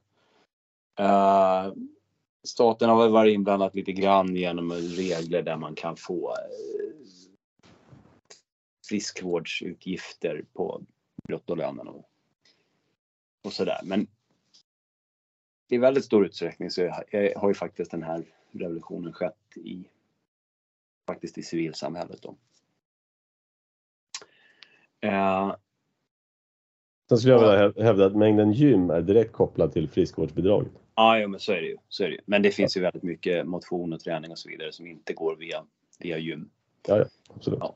Det finns kommunala utomhusgym för- också för den delen. Då. Men, men det är ännu ett exempel på det här som vi pratar om. Ja, ja, visst, absolut. Det finns ju en grotesk överetablering av gym och det är ju direkt av den orsaken. Men, eh, nu förlorar jag tråden lite grann. Men, Mm. Men Men du sa det är ett modernt fenomen det här med... ja, men alltså det är ju en, en eh, då, då har vi en, eh, eh, det där har ju ändå drivits av den den friskvårdsrevolutionen, den har inte drivits av staten. Staten har hoppat på tåget liksom i ett senare skede och, och med lite ekonomiska subventioner. Men det var inte staten som eh, liksom drev igenom det här. Det var inte som ett vaccinationsprogram eller något sånt där. Uh, som ju är väldigt offentlig sektor saker. Eh, uh, Medan då det här med, som du sa, gratis kanske är bättre att säga fri sjukvård. Uh, i, i, uh, via skattsedeln då. Där kan man få en väldigt avancerad vård. Cancerbehandling till exempel. Som är kostsam och där man inte ser, man får ingen faktura så man får aldrig se vad det har kostat samhället egentligen. Uh, det enda man det, vet. Det är, det är ingen som vet vad det kostar samhället. Nej, det är ytterligare en grej eftersom det inte faktureras på det sätt som företag gör med varandra. Så, så, ja. Men det är lite märkligt på något sätt att staten har inte kunnat ge då, apropå vad liksom får vi för pengarna och vad får vi inte för pengarna? Staten har inte då via skolplikt uppfostrat sina medborgare till att bry sig om sin hälsa. Men staten tillhandahåller en oerhört specialiserad vård för att hantera eh, konsekvenserna av ohälsosamt leverne. Eh, det finns ingen koppling mellan individens livsval och hur staten sedan behandlar utfallet av de här livsvalen. Det vill säga rök 20 cigg om dagen i 40 års tid, får lungcancer och sen får du skattefinansierad vård på det. Hade du fått betala vården själv så hade du förhoppningsvis brytt dig mer om din hälsa. Precis, då, då blir det lätt att kalkylera också. Aha, rökning, det riskerar att kosta mig hundratusentals kronor ja. i operationer. Sen, kanske, kanske ska låta bli. Ja, det sen kan vi väl för, förekomma sådana här vänsterinvändningar då och säga då, lägga till att naturligtvis så förstår vi också att det finns olika mognadsgrad på människor i olika livsskeden man är inte så jävla omdömesgill och, och, smart när man är 20 bast. Liksom. Nej, men då kanske man har föräldrar som säger att du, uh, jag tänker inte betala. Precis, precis. Om vi hade haft en syn på familjen som värderade familjens erfarenheter och visdom så skulle det ju, den saken vara i ett helt annat ljus. Mm. Ja, precis. Så är det.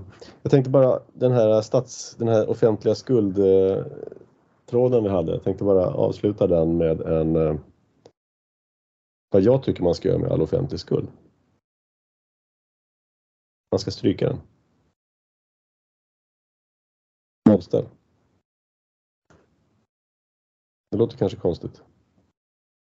Ja, men varför inte? Alltså, det är lite som bostadsrättsföreningar, det är en kollektiv angelägenhet och varför ska alla liksom låna till stora underhållsåtgärder? Det, det, det är egentligen samma, man dras med lite samma problem. Ja, men, precis. Och tänk så här nu. Eh, nu har, vad kommer, vad, är, vad lånar staten ifrån? Alltså, alla stater är i skuld, stort sett. Utom små stater. Eh, det här är en sån här stor stats ju större en stat är desto mer lånekapacitet har Vi pratade om det här förra gången tror jag. Men de lånar ju inte av varandra. Så det är ingen stat som är en stor utlånare utan de lånar av sina medborgare. Deras, deras pensionskassor främst är det som staten lånar av. Eh, så de ser vi aldrig röken av. Så att det staten gör efter att ha lånat i våra pensionskassor, då beskattar den oss för att kunna betala tillbaka till våra pensionskassor. Okay, så det är också en helt onödig rundgång. Så bara stryk allting. Eh, och sluta låtsas att vi kommer se de där pensionspengarna. Och bara liksom, låt, oss, låt oss behålla de här pengarna så vi kan spara själv. Och en väldigt positiv effekt av att stryka all offentlig skuld, det är att ingen skulle någonsin på de närmaste hundra åren någonsin låna ut en spänn till en offentlig eh, eh, till en myndighet eller en stat den staten. Mm. Vi ska aldrig mer se, vi ska inte i vår livstid och våra barns livstid se statsskuld igen. Därför nu lånar man ju till en stat, dels därför att reglementena gör det extra förmånligt att låna ut till stater och kommuner. Eh, men också därför att det betraktas som säkert. Därför att det finns en skattebas där man kan plundra för att betala tillbaks den här skulden. Men eh, om man stryker den här skulden så får eh, gäldenärer säger en riktig minnesbeta som de sällan, sällan kommer glömma. Ja, jag kom på nu att jag glömde. Nej, sa jag gäldenärer? Borgenärer? Vilken sida? Vem är vem nu? Gäldenär är skuldsatt. Ja, precis. Uh, nej, det var Nej, borgenären då, den som lånar ut, det är de som kommer lära sig. Borgenärerna kommer lära sig att aldrig mer låna ut en stat. Ja, nej, men det, det är en annan... eh, Det man ska komma ihåg med i det här sammanhanget tycker jag, det är att det är en väldig skillnad mellan ett samhälle som... Det finns tre fall. Det ena är ett samhälle som är i befolkningsavseende behåller ja, status quo. Eh, det föds 2,1 barn per kvinna och invånarantalet är ungefär detsamma. Så finns det den situation där ett samhälle minskar sin folkmängd och sen det där man ökar. Och de här två fallen, när man minskar folkmängden och när man ökar folkmängden, de, där finns det problem. Problemet när folkmängden minskar, det är att det finns massa hårda paket i samhället. Alltså, eh, inte minst hus av olika slag, byggnader, som det helt plötsligt inte finns någon avsättning för. Som inte, det finns helt enkelt ingen, inget behov av dem. Och när det inte finns något behov av dem så kommer det inte heller finnas någon som är villig att betala för underhållet. Så i mina hemmatrakter så är ju Kramfors kommun ett fruktansvärt exempel på det, vilket jag tror jag har nämnt förut. De har halverat sin befolkningsmängd ungefär sedan 50-talet. Resultatet blir att det finns en förskräcklig massa kåkar som ser för jävla ut. Och det gäller både bostadshus och ekonomibyggnader. När ett samhälle ökar i befolkning så behöver man, för att vi inte ska bli fattiga fattigare per capita, så behöver man bygga ut kostymen. Det behövs helt enkelt fler vårdcentraler, det behövs fler bostäder. Eh, och då är det naturligtvis så att det man behöver mer av, det kan produceras i offentlig regi och det kan produceras i privat regi. Och förhoppningsvis så producerar man då till exempel bostäder i privat regi medans det militära försvarets utbyggnad sker i offentlig regi. Eh, men vi vet ju också att i praktiken så blir det massa konstigheter där. Va? Men där kan man ju behöva låna då. Eh, och inte minst kan det här behovet uppstå när man genom folkförflyttningar, det vill säga extrem invandringspolitik, skapar en befolkningsutveckling som är liksom extrem, som har u-landsproportioner. eh, proportioner. Och det, är- det är precis det vi har gjort i Sverige. 900 000 eh, pers i invandringsöverskott på 10 år. Liksom. Eh, människor som inte kan finansiera själva det här materiella behovet som de ger upphov till i, i samhället. Det här pratas det aldrig om. Jag, jag har gått och väntat i snart 20 år på att de unga generationerna ska bli militant sinnade för att de inser vad som har gjorts mot dem via invandringspolitiken på bostadsområdet. Problemet är att de Ja. har aldrig sett något annat, så de vet inte vad de skulle... Nej, precis. Precis. Det, det, det är ju så, De vet inte what is not seen, liksom. De vet inte hur det skulle kunna ha varit. Va? nej, precis. Det, det, det, utan det, det är normaliserat att en, en sketen etta i någon, någon eh, betongdystopisk förort i Stockholm som är helt livs eh, människofientlig liksom. Nej, den ska kosta två millar liksom. Och, och, det, och det är normaliserat att i en skola ska flickorna vara rädda för att bli våldtagna på toaletterna. De har inte sett något annat. Det har alltid varit så i deras, i deras värld. Liksom. Ja. Förstår inte Men det- den här tiden när liksom, man kunde vara trygg i skolan och ja. It. Men, men, men och då kan man ju säga så här, ja men det offentliga måste då, för att knyta an till det här med en befolkningsexpansion. Det, det offentliga måste minsann kunna låna då och rätt spatiöst, för vi måste kunna hantera en, en, låt oss kalla det för en välfärdsexpansion. Då. Men det är ju faktiskt det, det är ju ett argument mot att man ska ägna sig åt såna här jävla folkförflyttningstokerier. Det, det är viktigt att det inte blir för stora snabba förändringar i ett land, i ett samhälle. När det ja men det, precis, men det, det, det är precis det vi pratar om. När staten lånar och, och tar eller tar i, högre skatt från oss så kan den köpa grejer som den vill ha, det vill säga massinvandring på bekostnad av vad vi vill ha. Vi blir fattigare ja. och eh, så. Ja. Och, och den som vill kunna resonera kring sånt här utan att befläckas då av de här av den säga, känslighet som det hela tiden som hela tiden omgärdar invandringsfrågor. Va? Som vill kunna diskutera det här fritt, fritt ifrån invandringspolitik då för att inte behöva känna sig belastad av det. Den personen kan ju betrakta exemplen Skellefteå och Kiruna då som är två norrländska kommuner som är en del i den här nyindustrialiseringen då som man pratar om. Den gröna omställningen om man så vill. Uh, det är naturligtvis inget grönt i det där. Eh, I Kirunas fall så är det ju gruvverksamhet och i Skellefteås fall så är det etableringen av batterifabriken Northvolt. De behöver ju då massa arbetskraft och får då en rackarns massa problem då. när det blir såna här stora liksom, demografiska förändringar. Det flyttar en massa människor till de här kommunerna för de ska arbeta då i de här verksamheterna. Så I Kiruna då ska man ju dessutom flytta på halva stan då, för att gruvan ska expandera och så vidare.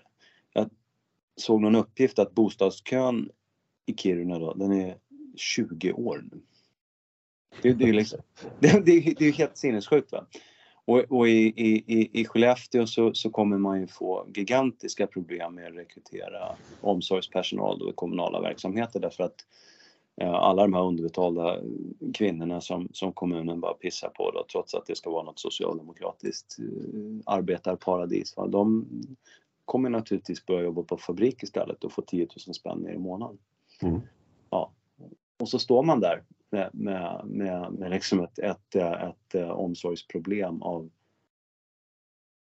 fasansfulla. Men, men, men, det här är för att du har, sådana stelheter i ekonomin. Uh, om du besöker Tänk på en sån här amerikansk gruvstad uh, under guldruschen eller någonting sånt. Så hittar man guld någonstans. Så strömmar det dit folk. Det finns inga vårdcentraler. Det finns ingen försäkringskassa. Men med de pengar som de tjänar så bygger de de här institutionerna.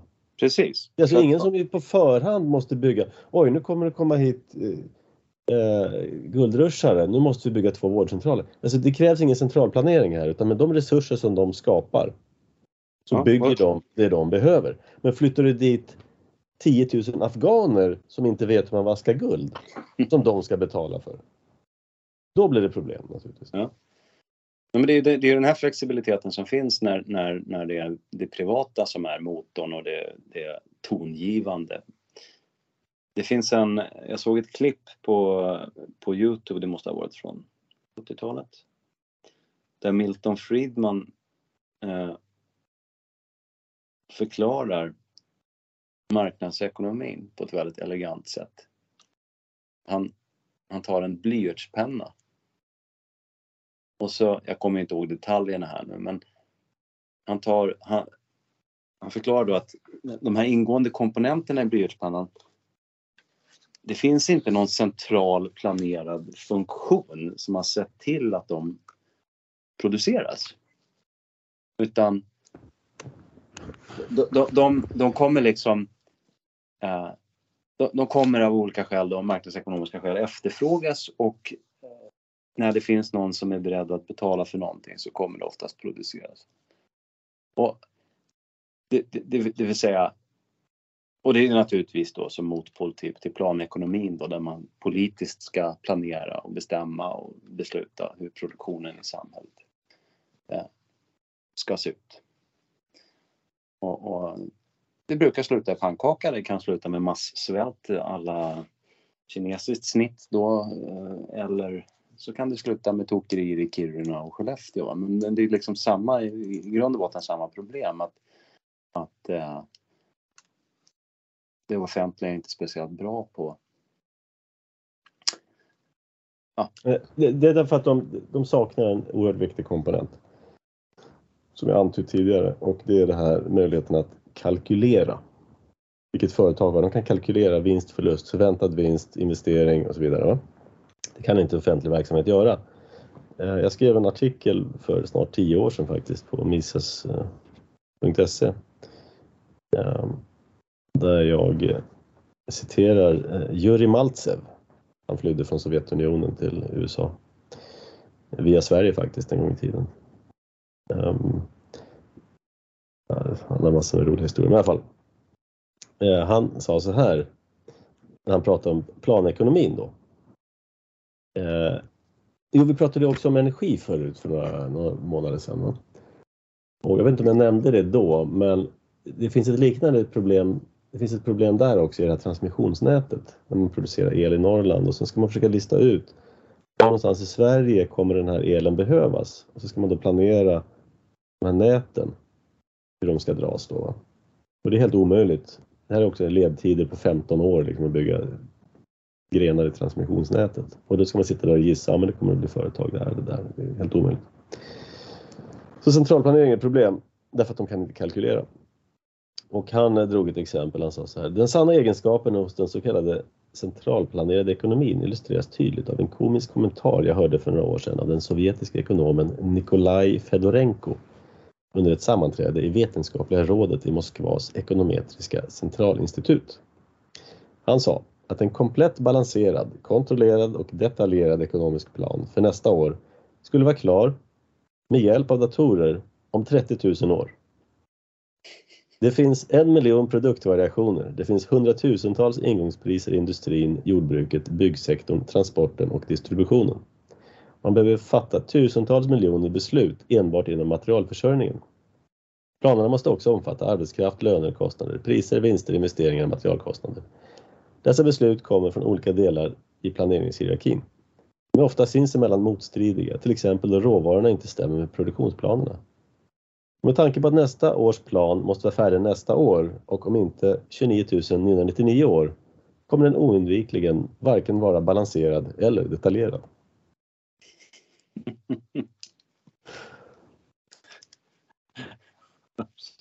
Så. Ja, men det är som du säger, det där exemplet med pennan. Ingen vet hur man gör en penna. Alla vet hur man delar och sen så via prismekanismer, prissignaler så styrs då efterfrågan och produktionen till den här pennan. Men ingen människa skulle kunna bygga en penna. Det finns ett kul exempel faktiskt på Youtube. Han försöker, han försöker bygga en brödrost från scratch. Eh, jag kollar gärna på den, den korta Youtube-filmen. Han som försöker bygga en brödrost från scratch. Den är dråplig. Det, det blir någonting som inte liknar en vanlig brödrost och jag tror att den exploderar på slutet också. Eller smälter eller så. Ja, jag tänkte, kan vi sluta med något, något, något positivt? Eh, Okej okay då. Ja. ja, klart vi ska det, ja. det ska vi alltid göra. Ja, precis. Den nya regeringen har bestämt sig för att skrota eh, demokrativillkoren för stöd till trossamfund och civilsamhället. Ja.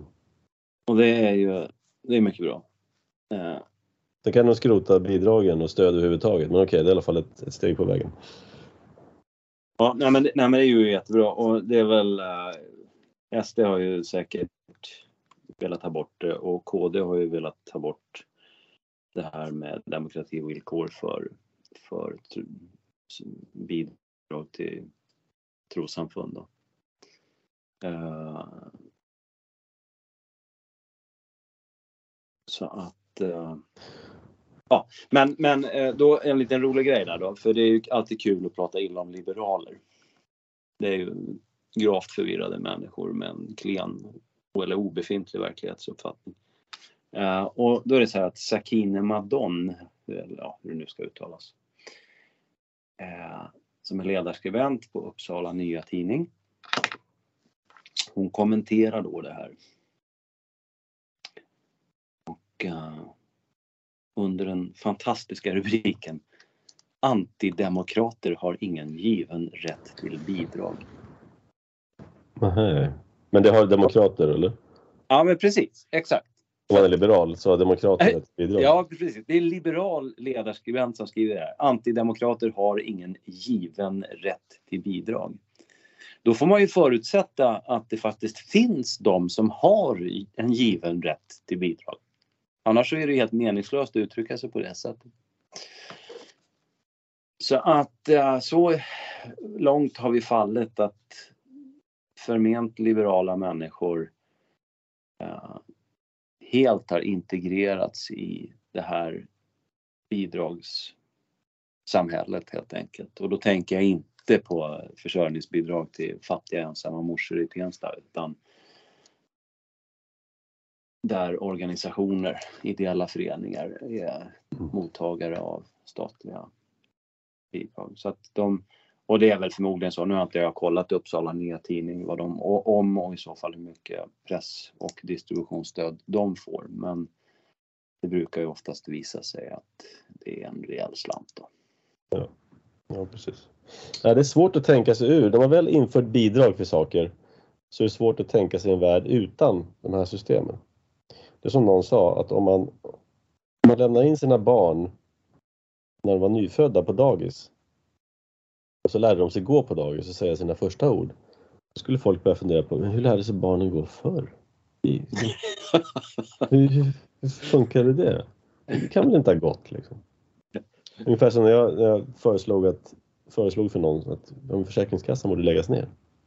Nej men det går alltså. Hur ska ett sånt samhälle se ut utan Försäkringskassan?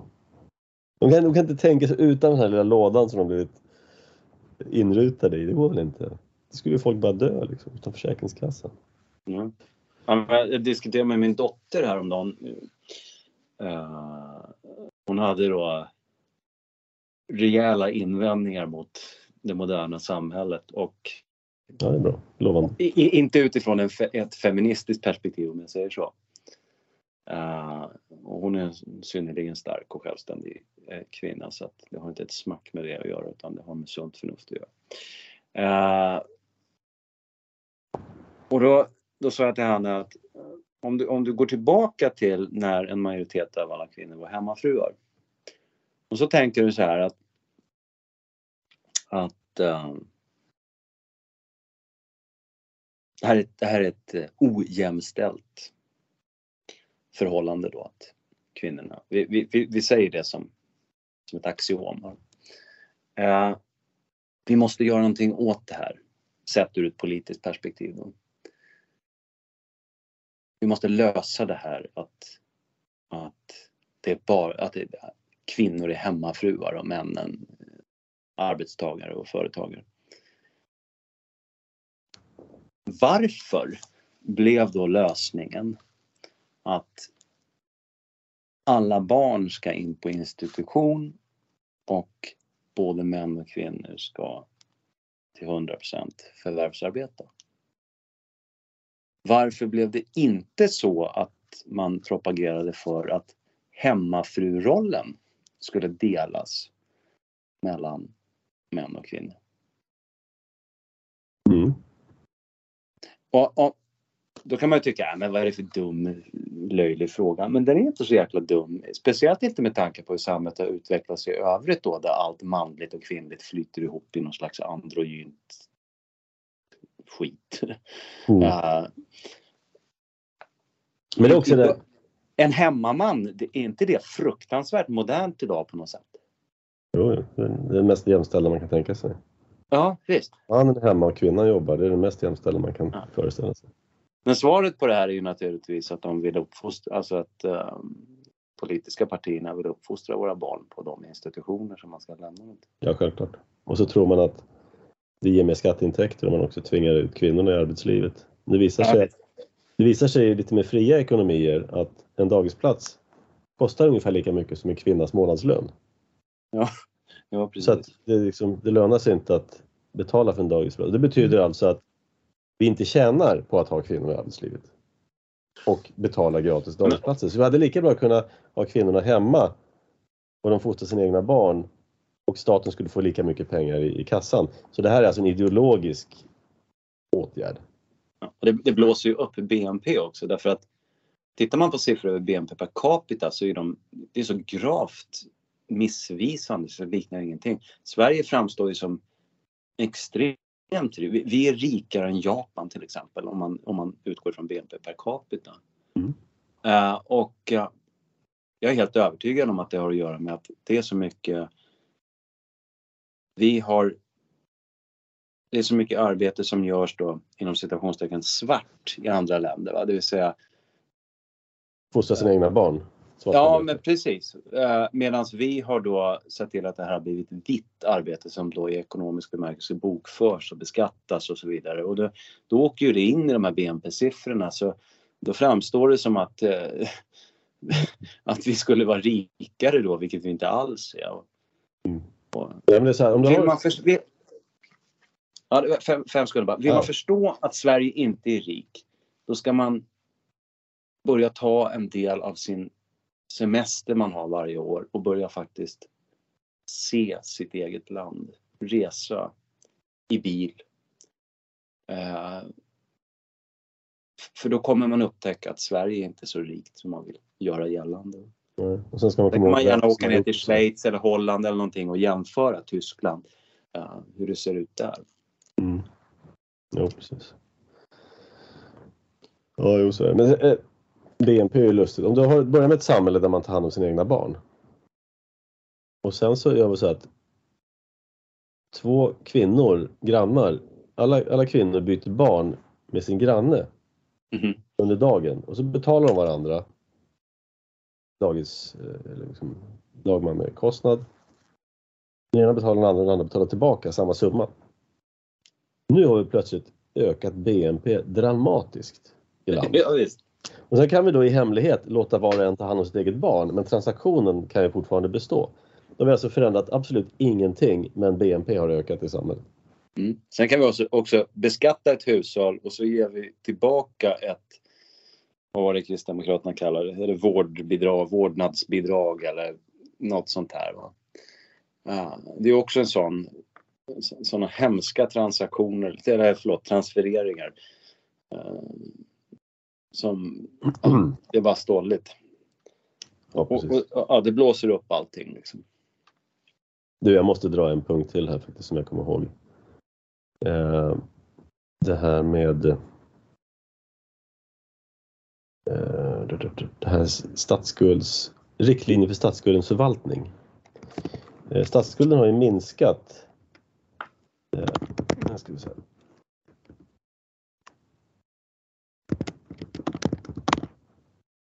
Jo, här finns en intressant liten mening.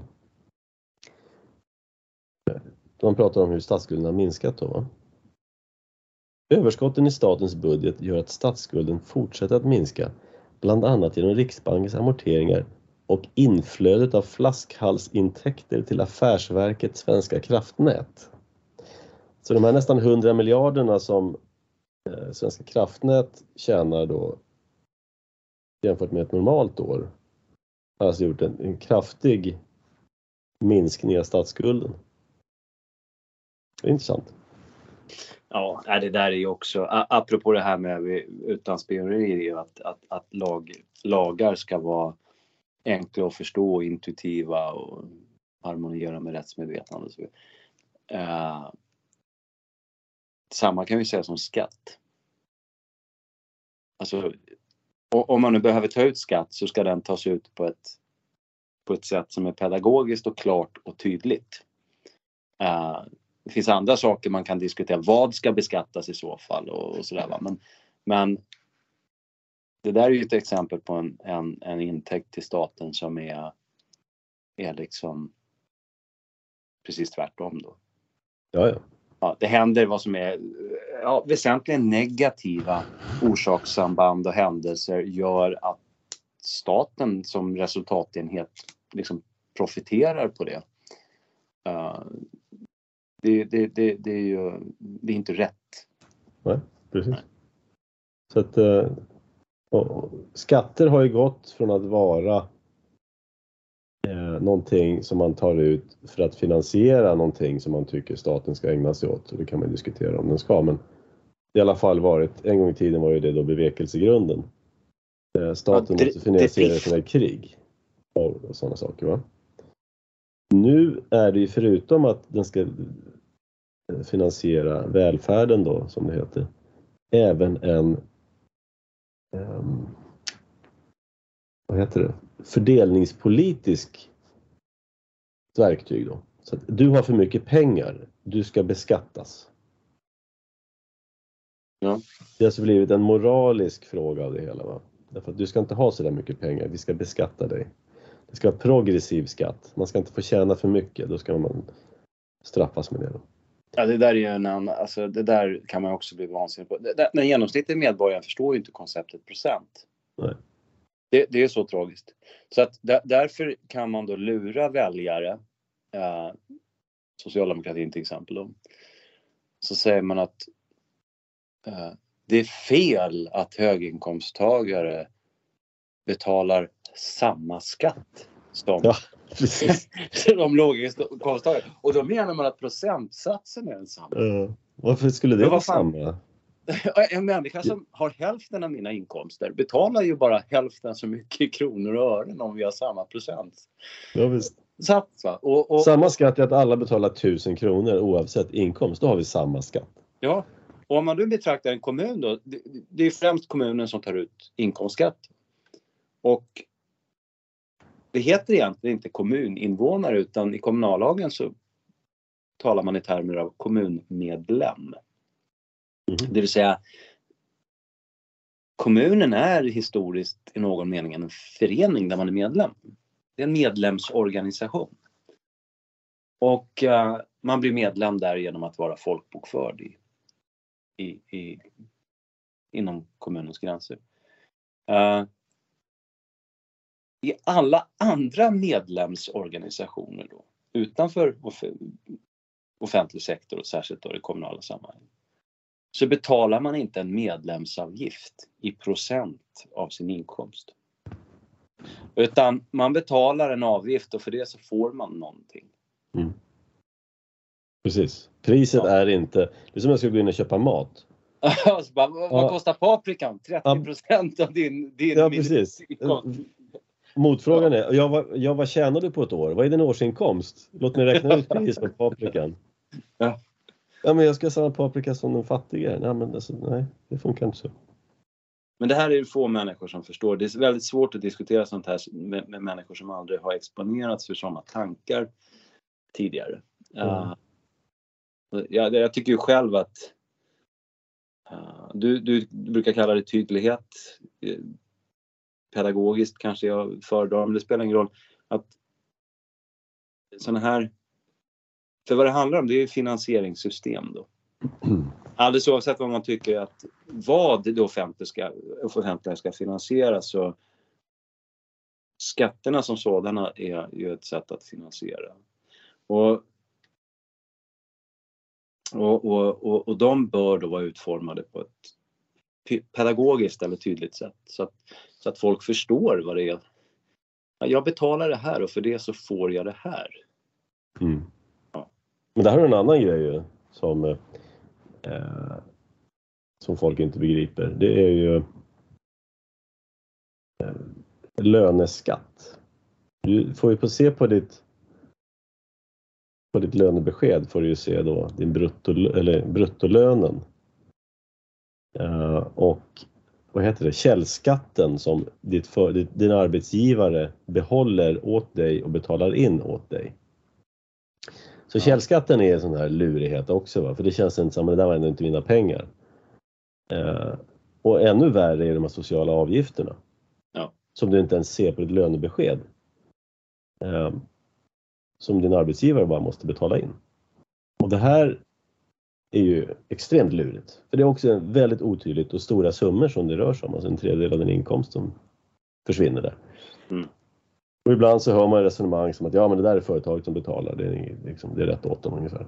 Ja fast annars hade ju du fått del av de där pengarna.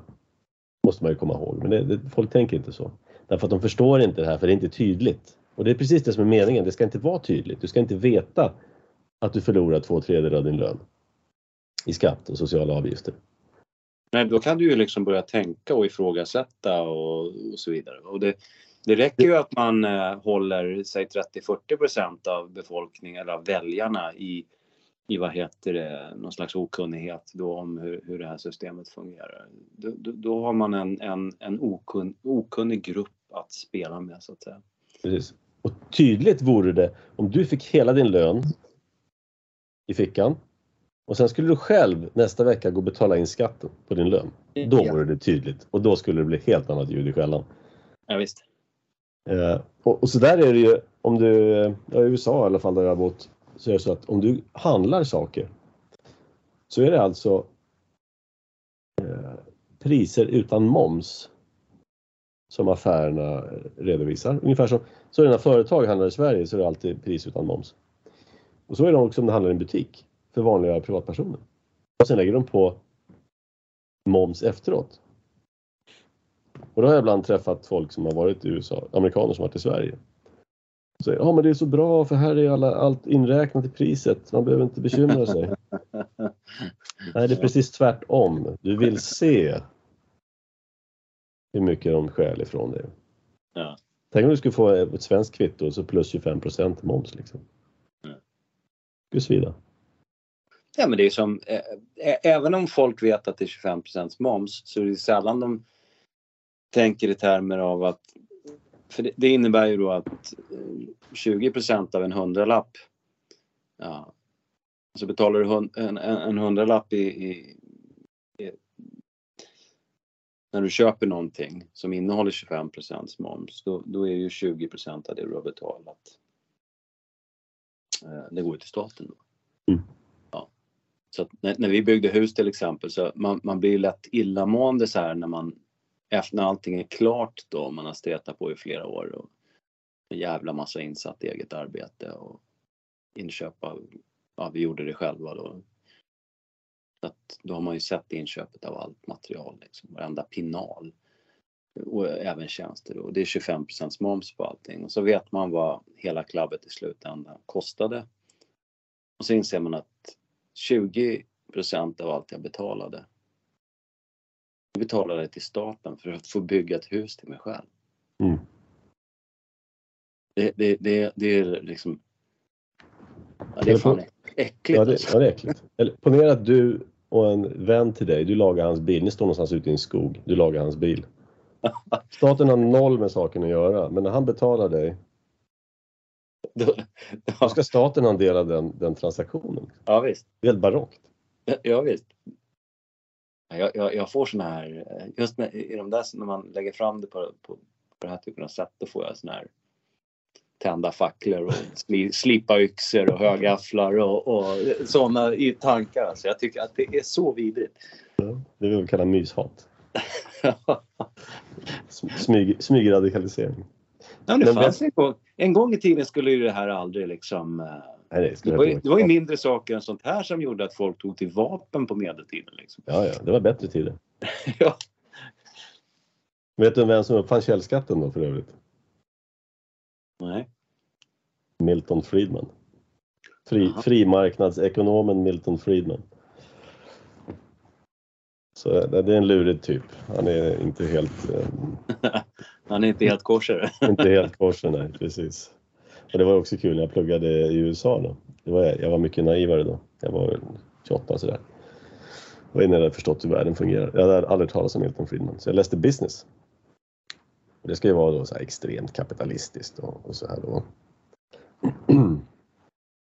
Och sen pratade vi om affärsetik i en kurs. Jag hade en hel kurs i affärsetik.